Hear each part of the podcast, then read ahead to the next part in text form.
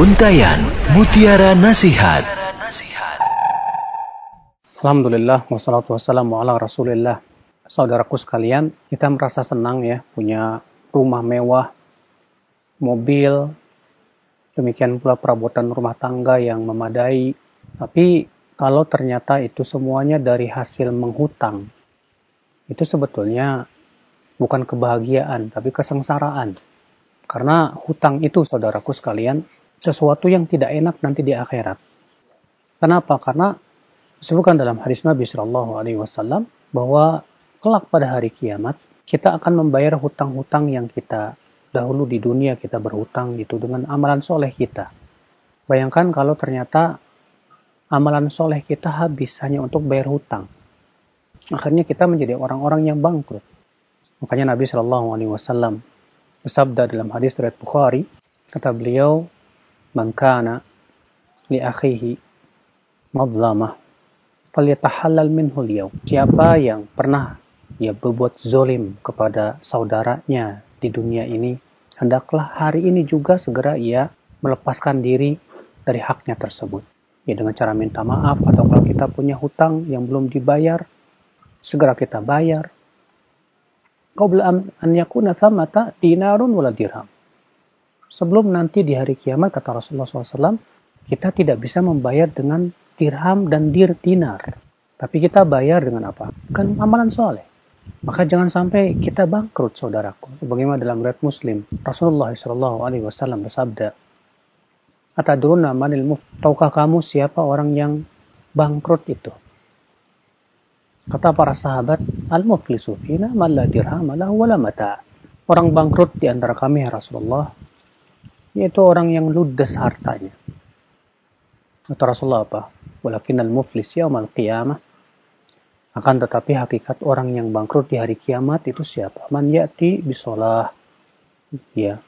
Orang yang datang membawa pahala sholat, membawa pahala zakat, membawa pahala puasa, membawa pahala haji, membawa banyak pahala wa ya'ti wa qad syatama hada wa daraba hada wa safaqa dama hada tapi ternyata dia pernah mencaci maki orang dia pernah memukul orang dia pernah menem, menempeleng orang dia pernah mengucurkan darah orang.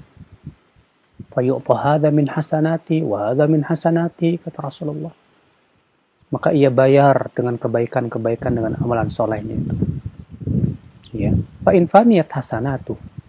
Kalau ternyata amal solehnya ternyata habis untuk membayar kezoliman-kezolimannya tersebut apa yang terjadi ukhidat min khatayahu maka dosa-dosa yang orang-orang yang dizolim ini akan diambil dan ditanggungkan kepadanya.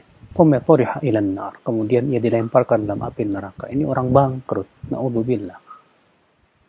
Mau nggak kita bangkrut seperti itu ya. Kalau di dunia kita bangkrut masih bisa usahakan cari duit.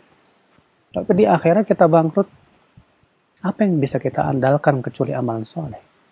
Maka dari itu jangan menganggap remeh masalah hutang. Pernah Rasulullah SAW diminta untuk mensolatkan seorang sahabat yang meninggal dunia. Maka Rasulullah bertanya, alaihi dain dia punya hutang tidak? Kata para sahabat, dia punya hutang dua dinar ya Rasulullah. Kata Rasulullah, ya, selalu ala sahibikum. Kalian saja yang mensolati. Rasulullah nggak mau mensolati. Sampai begitu ya. Hadis itu sahih dari Imam Ahmad dan yang lainnya. Sampai begitu Rasulullah SAW nggak mau mensolatkan jenazah yang punya hutang. Maka ya akhi, bahkan orang yang mati syahid saja diampuni kata Rasulullah semua dosanya di saat ia meninggal mati syahid. Di awal dia mengucurkan darah, sudah diampuni dosanya. Kemudian kata Rasulullah? Illa dain. Kecuali hutang. Kecuali hutang. Ternyata hutang tidak bisa digugurkan hatta dengan mati syahid sekalipun juga. Kak sungguh sangat heran kepada sebagian ya orang yang sangat menganggap remeh masalah hutang. Bahkan sebagian orang yang subhanallah juga sudah menuntut ilmu, menganggap remeh hutang kepada temannya hanya karena ah kita kan udah sama-sama ngaji, ya. Akhirnya kalau ditagih selalu ada aja alasan. Afan akhi, ya begitu dan begitu. Kita katakan ya subhanallah. Di mana bekas ilmu itu di hatimu? Seharusnya ilmu itu menambahkan rasa takut kamu kepada Allah Subhanahu wa taala. Seharusnya kamu berpikir dong. Kamu kan sudah tahu ilmunya bahwa hutang itu berbahaya nanti di hari kiamat. Sebagian orang ada yang berkata, akan yang penting saya sudah ada niat bayar hutang. Maka disebutkan dalam hadis, orang yang berniat bayar hutang nanti juga Allah yang bayarkan. Kita katakan ini buat orang yang bersungguh-sungguh bayar hutang. Dia sudah berusaha mengeluarkan seluruh tenaganya untuk bayar hutang. Adapun sebatas niat pengen bayar hutang tapi tidak ada kesungguhan, bahkan ia menganggap remeh, tidak masuk dalam hadis tersebut ya.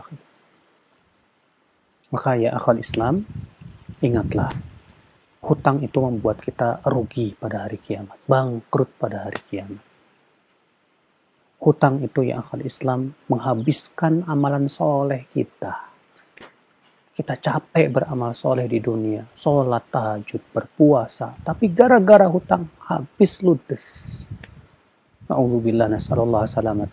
Maka dari itulah ya akhi. Segera bayar hutang kita sungguh-sungguh.